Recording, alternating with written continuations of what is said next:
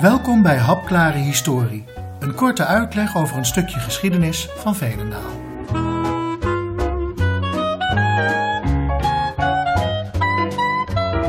Deze lezing gaat over de mobilisatie in 1939 en het uitbreken van de Tweede Wereldoorlog.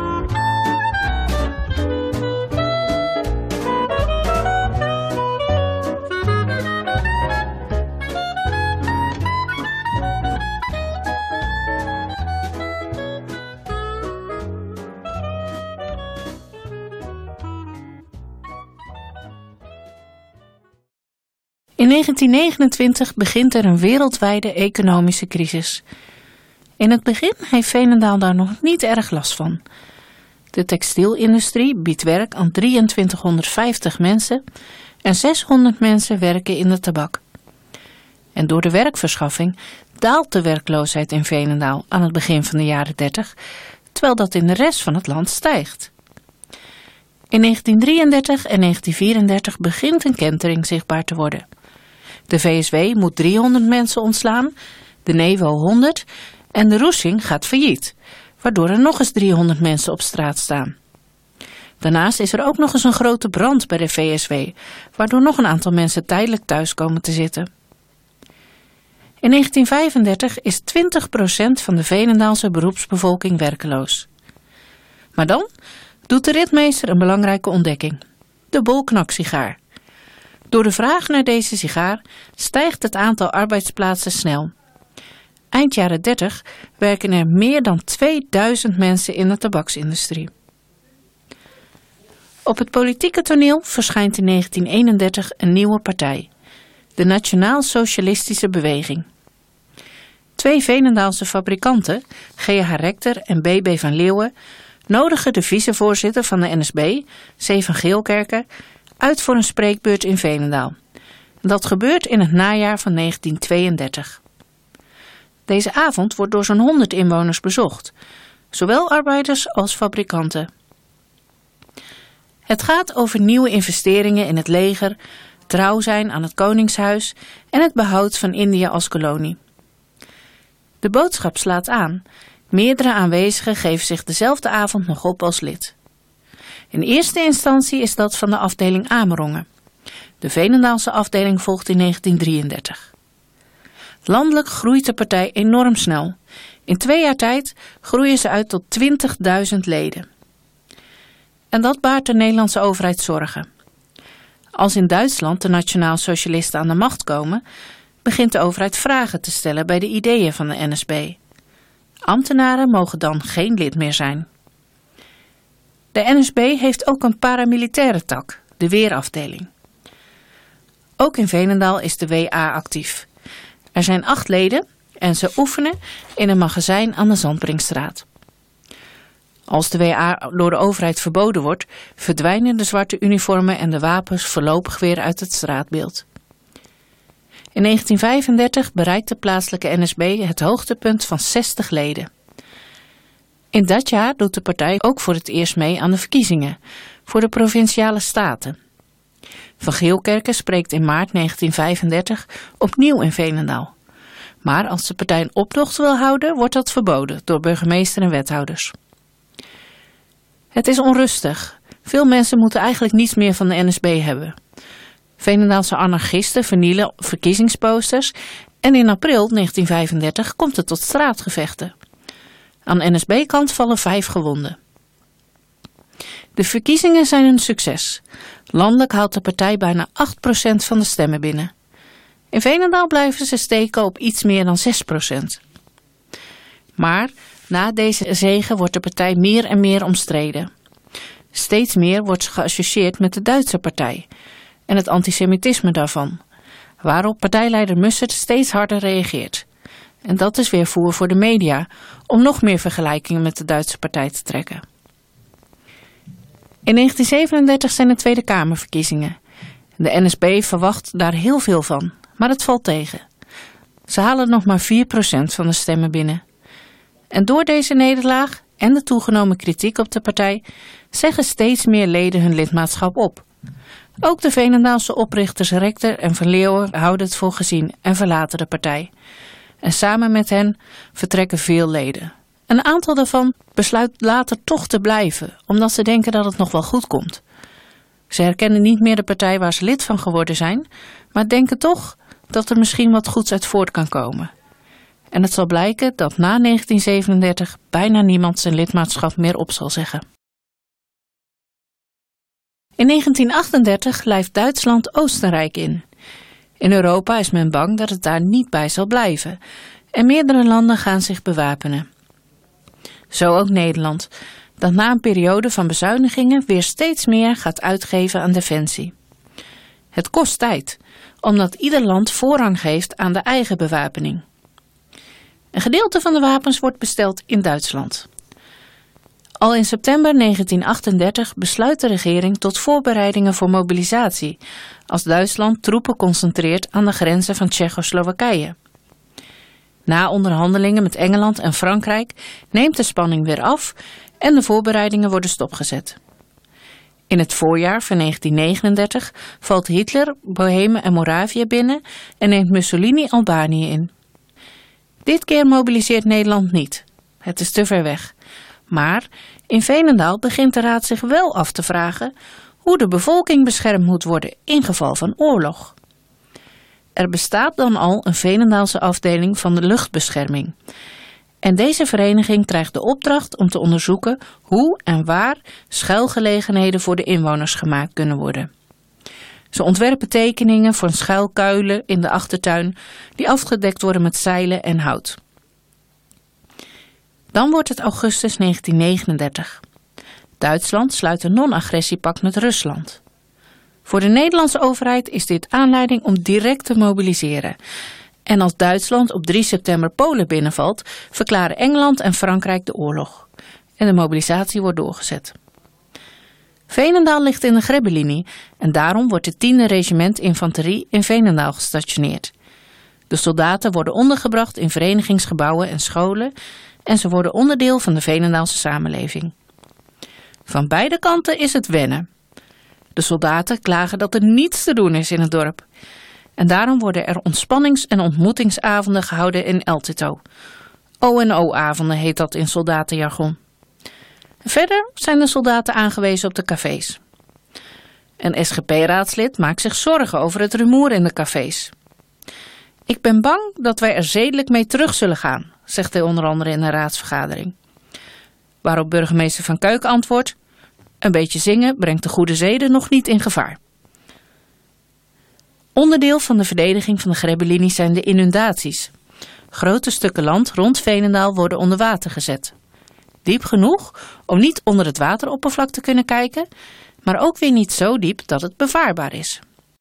De belangrijkste taak van de gemobiliseerde soldaten is het bouwen van stellingen en het kapothakken van het ijs dat zich gedurende de wintermaanden vormt op de geïnundeerde landerijen. Al snel slaat de verveling toe. Velen denken dat het uiteindelijk niet tot oorlog zal komen. En bij een oefening klinken er dan al gauw opmerkingen als flauwekul en moeten we daarvoor zo vroeg ons nest uit. Gelijk met de mobilisatie beginnen de voorbereidingen voor een mogelijke evacuatie van de burgerbevolking uit de Grebbelinie. Het gaat om 21 plaatsen met een totale bevolking van 151.576 mensen. Voor Veenendaal is er een extra moeilijkheid in de vorm van de provinciegrens Utrecht-Gelderland die dwars door het dorp loopt. Oorspronkelijk is het de bedoeling dat het Gelderse deel naar Ede zal gaan. Maar uiteindelijk ziet men toch de logica van het evacueren van het hele dorp in één keer. In het plan zal de bevolking lopend naar Elst gaan, waar 30 schepen hen via de Rijn naar Rotterdam zullen brengen. Vandaar nemen ze de trein naar Bloemendaal en verder naar Voorneputten. Om dit te organiseren wordt het dorp verdeeld in wijken van 1000 inwoners met een eigen leider. De wijken zijn onderverdeeld in groepen van 50 met een eigen groepsleider. Ook worden er voorbereidingen getroffen om vee, geld en effecten van de gemeente en archieven van de gemeente en bedrijven te vervoeren naar de evacuatieadressen. En dan wordt het 10 mei 1940. Om drie uur ochtends worden de eerste vliegtuigen boven de Grebbelinie waargenomen. Die ochtend zullen er zes vliegtuigen neergehaald worden in onze omgeving. Om zes uur ochtends horen de inwoners van Veenendaal dat ze weg moeten. Ze krijgen een paar uur om kleding en mondvoorraad voor één dag in te pakken. En ondertussen beginnen militairen met het in brand steken van woningen aan de Kerkenwijk, de Kastanjelaan en de Nieuwe Weg. Dit moet gebeuren om het schootsveld vrij te maken voor het Nederlandse leger. Ook de bruggen worden vernield. Vreemdelingen en verdachte elementen worden gearresteerd en later op de dag naar wijk bij Duurstede gebracht. Op de buurtsteeg denkt men een Duitse spion te pakken te hebben. Om 1 uur s middags vertrekt de eerste wijk met inwoners uit Veenendaal, lopend richting Elst. Eerst vertrekken ze met één wijk per uur, maar al snel blijkt dit te langzaam en dan wordt het tempo opgevoerd. Zieken en ouderen gaan per auto of vrachtwagen. Tijdens de tocht van 7 kilometer verdwijnt de orde al snel. Door verschil in snelheid raken groepen uit elkaar.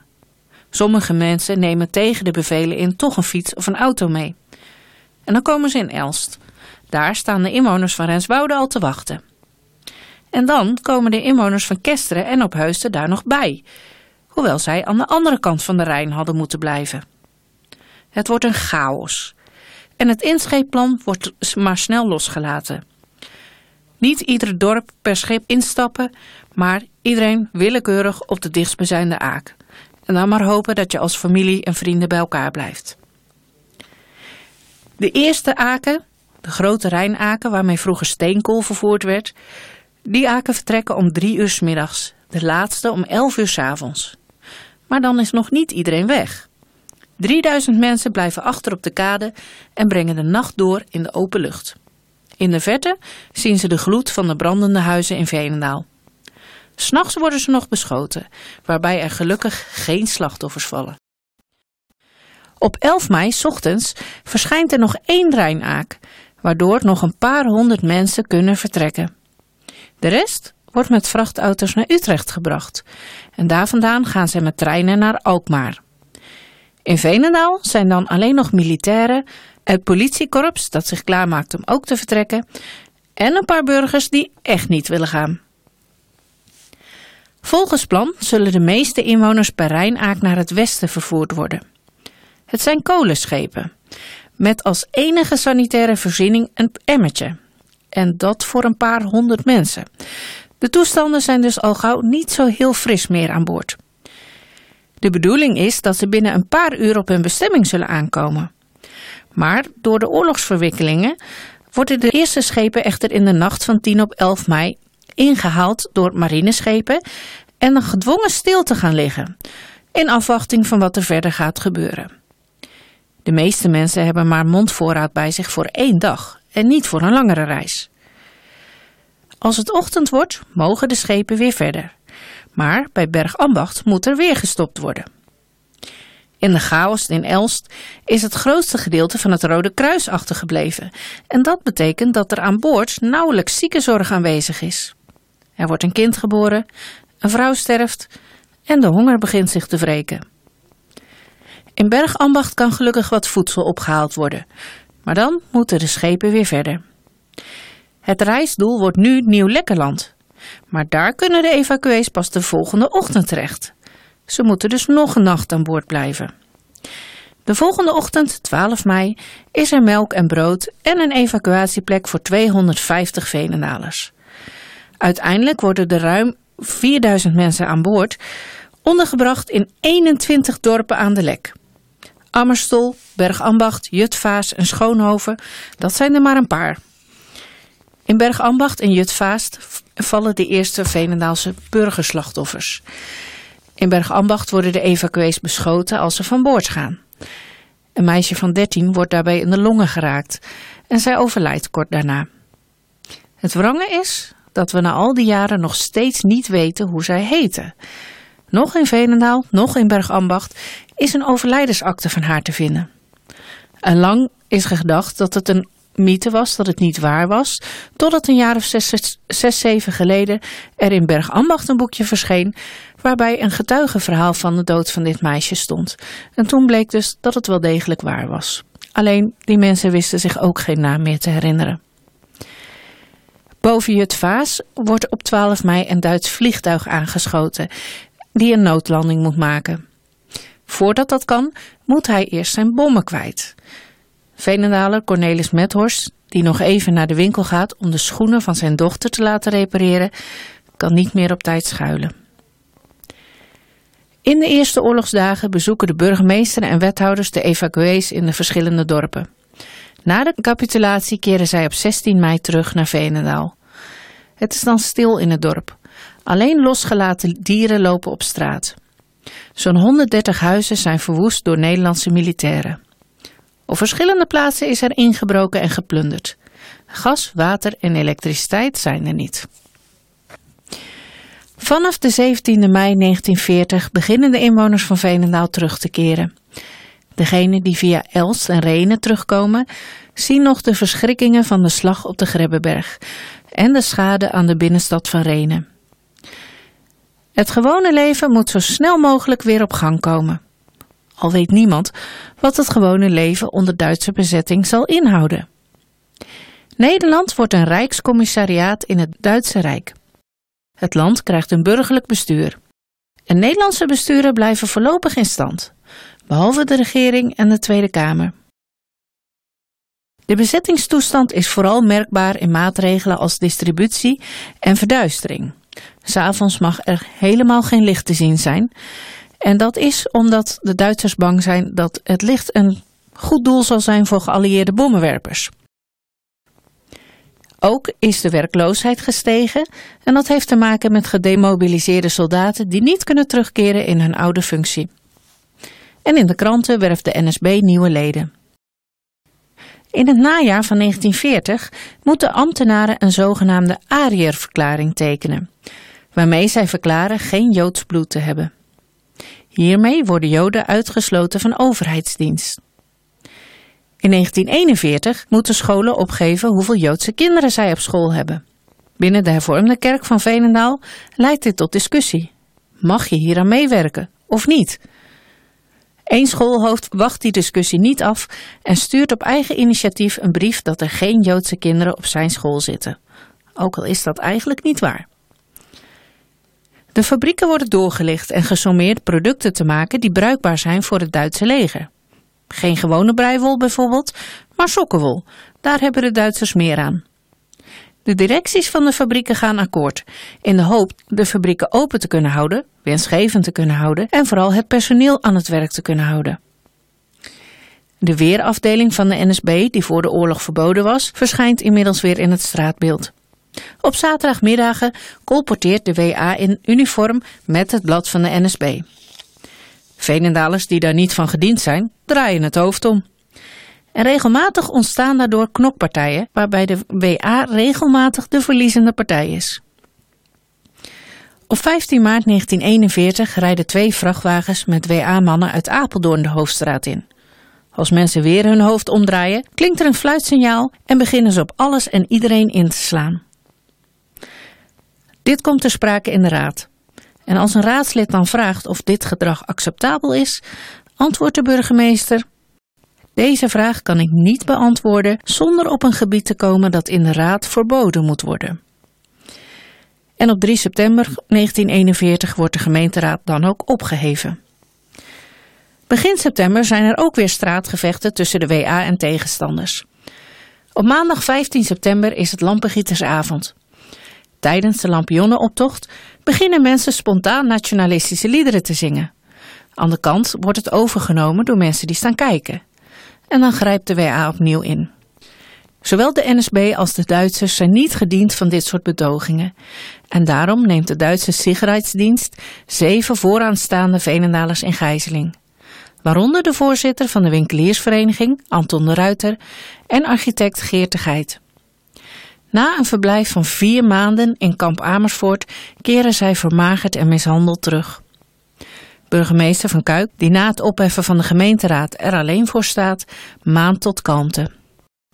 In het najaar van 1941 moet de burgemeester opgeven hoeveel volbloed Joden er in de gemeente wonen. Dat wil zeggen, hoeveel mensen met tenminste twee Joodse grootouders. Het zijn er op dat moment 22, waarvan drie afkomstig uit Duitsland. En elf van hen zullen omkomen in de kampen. Ondertussen neemt de schaarste toe. Steeds meer voedsel en grondstoffen verdwijnen naar Duitsland. Maar ook mensen.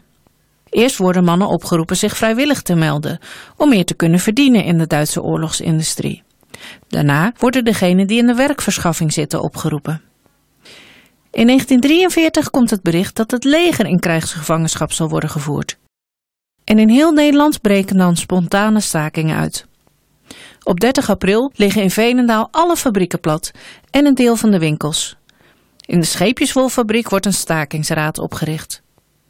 Op 1 mei stellen de Duitsers een ultimatum en op de scheepjeswolfabriek vergadert de stakingsraad dan over dit ultimatum. In de nabijgelegen Pnielkerk is er op dat moment een bijeenkomst aan de gang waarbij veel dominees aanwezig zijn. Er zijn mensen die bang zijn dat dit misgaat en dominee Kok en dominee Van Enk worden uit de kerk gehaald en naar de fabriek gebracht. In de kerk ziet men dit natuurlijk en het wordt wat onrustig. Men besluit de bijeenkomst toch maar wat vroeger te beëindigen. In de fabriek weten de dominees de gemoederen te kalmeren en mensen naar huis te sturen. Maar ondertussen is de ordnungspolitie al onderweg naar Venendaal. In de Hoofdstraat openen zij vlak bij het kruispunt met de Hoogstraat, Nieuweweg en Zandstraat het vuur. Op winkelend publiek, bezoekers van de kerk die naar huis gaan en stakers die de fabriek verlaten. Wonderlijk genoeg vallen er geen slachtoffers. Een paar dagen later worden wel zes Venendalers gearresteerd en afgevoerd naar concentratiekampen.